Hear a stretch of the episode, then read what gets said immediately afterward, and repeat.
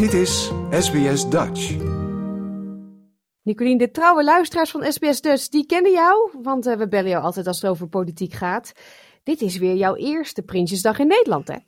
Ja, dus dan, uh, dan zie je het allemaal wel. En uh, je merkt ook dat het op school opeens gevierd wordt. Dus de kinderen gaan met hoedjes naar school. het is toch echt wel een, een, een feestdag hier. Ja, een happening. Hoe is het om dat weer van dichtbij mee te maken? Want dat politiek zit in jouw bloed natuurlijk. Ja, je volgt het natuurlijk wel en je volgt de aanloop ook. Want het is natuurlijk een hele spannende Prinsjesdag wordt het. Kijk, de hele Prinsjesdag heeft natuurlijk twee aspecten. Het ene is de, de glamour en de glitter en de, uh, nou ja, het ceremoniegedeelte en alles. Dat is natuurlijk mooi. Maar uh, je hebt ook een inhoudelijke kant. En dat betekent, nou de begroting wordt gepresenteerd. En we zitten hier in Nederland uh, op een ja, echt een heel moeilijk snijvlak. Want we hobbelen van crisis naar crisis.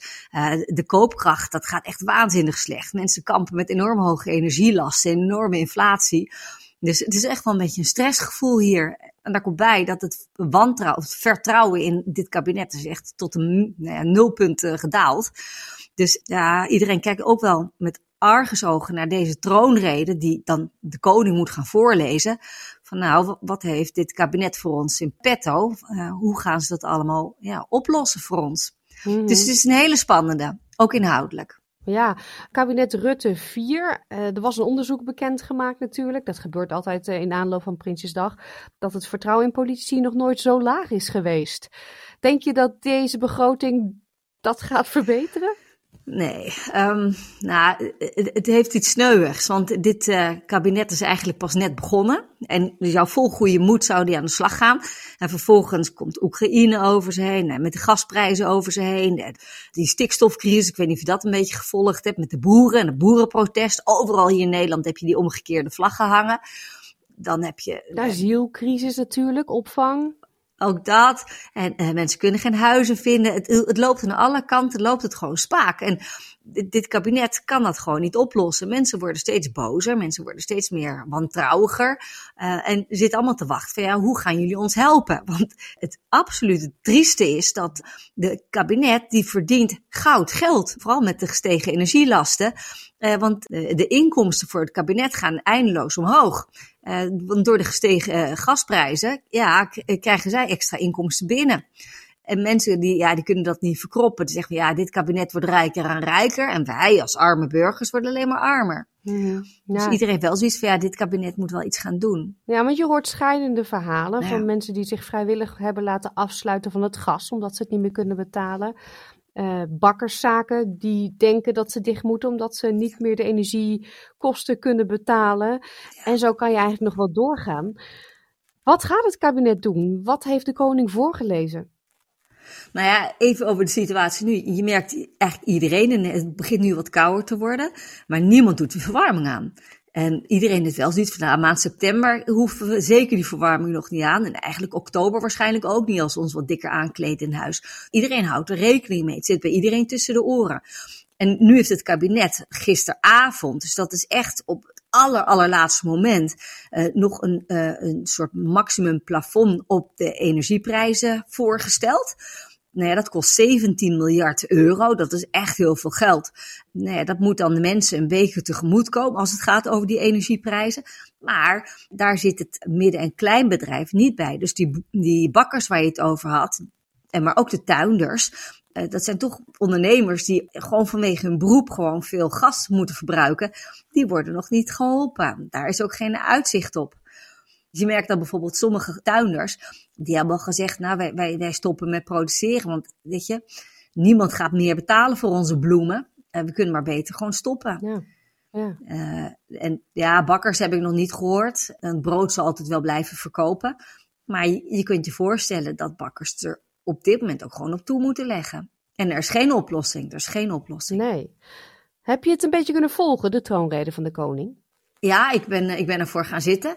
Uh, en dan kijk je natuurlijk aan de ene kant met het blik van, nou, Amalia is er voor het eerst bij. Hè? Hoe, hoe staat ze daar? Hoe stelt ze zich op?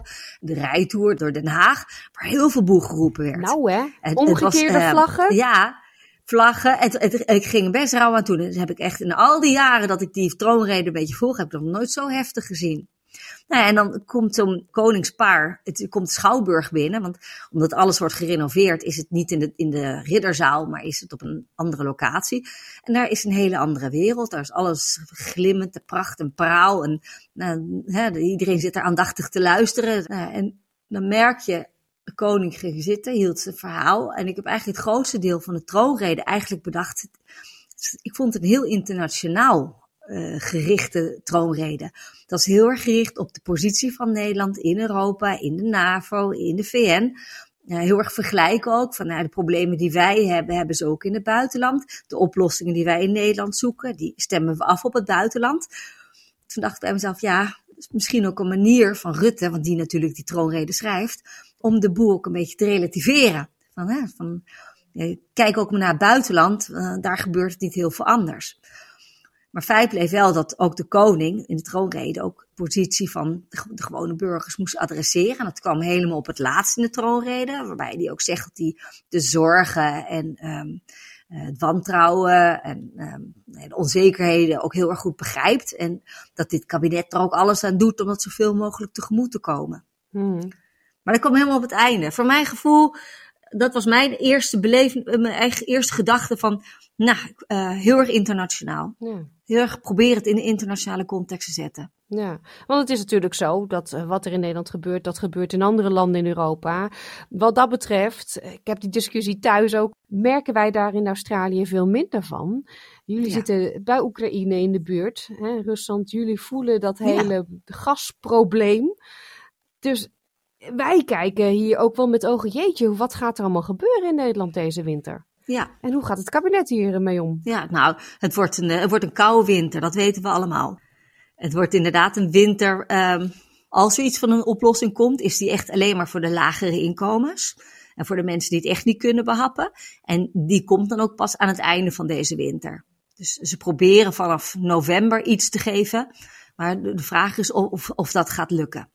Ja, heeft het kabinet een beetje zitten slapen wat dit betreft? Nou, dat is een hele terechte vraag. Uh, dat is eigenlijk iedereen het wel over eens. Ze zijn wel heel laat. Ze hebben heel lang gedacht van, nou, um, en die gedachte begrijp ik ergens ook wel hoor. Kijk, we hebben een enorme inflatie hier in Nederland, nou, in Europa eigenlijk. Hè, de prijzen gaan omhoog. Als je nou te makkelijk zegt, het minimumloon gaan we omhoog. We gaan mensen compenseren. Mensen makkelijker die hogere prijzen kunnen gaan betalen. Dan jaag je eigenlijk die prijsspiraal verder omhoog.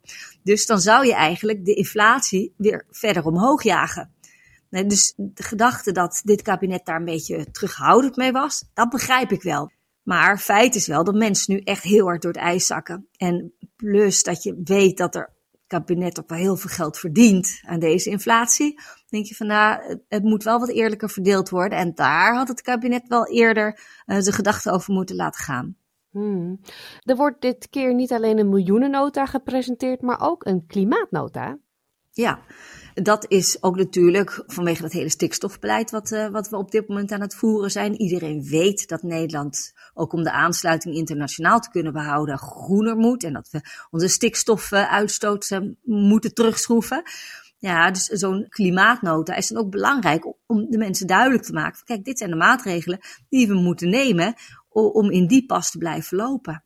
Maar ja, daar is ook heel veel sceptisch over. Want de vraag is, het idee is nu dat Nederland voorop loopt als het gaat om die uh, stikstofmaatregelen. En de beeld is dat nu ook wel de boeren op dit moment toch wel heel onevenredig hard worden aangepakt. En dat je ook de oplossing zou kunnen vinden in andere sectoren in de Nederlandse samenleving. Maar die worden ongemoeid gelaten. Als je kijkt bijvoorbeeld uh, Tata Steel, dat is een hele grote uh, staalfabriek hè, die in India's handen is. Die krijgt zelfs allemaal subsidies als één industrie in Nederland slecht is voor dit klimaat, dan is het dat wel. Dus de pijlen zijn heel erg gericht op, uh, op de boeren. En de vraag is of dat houdbaar is. Of ze daar niet een beetje op terug moet komen. Ja, de boeren hebben dat ook vaker gezegd, hè? Dat vooral die in de grensstreek, die worden aangepakt. Maar dan ga je vijf kilometer verder op Duitsland in bijvoorbeeld. Daar is geen klimaatprobleem. Of daar is dat stikstofprobleem niet. Nee, dat zegt iedereen. Dus wat dat betreft is het allemaal een beetje te veel en te plots. En ook wel heel erg rigoureus en hard. Ja. Er worden spannende nabeschouwingen, kan ik me voorstellen. Ja, morgen en overmorgen zijn dan het traditioneel wordt zijn de politieke beschouwingen. Er zijn natuurlijk waanzinnig veel partijen. Dus normaal gesproken is op woensdag um, heb je altijd de inbreng van de fractievoorzitters. Normaal gesproken was dat aan het begin van de avond altijd wel klaar. En nu hebben ze het idee dat dat wel nachtwerk gaat worden. Nee, en dan heb je op tweede dag, dat is dan de donderdag, daar heb je dan het antwoord van de regering. Dus eigenlijk is dat nog belangrijker. Ja, het is heel spannend hoe, hoe dat gaat. Uh, houdt de coalitie uh, ja, de geledingen dicht?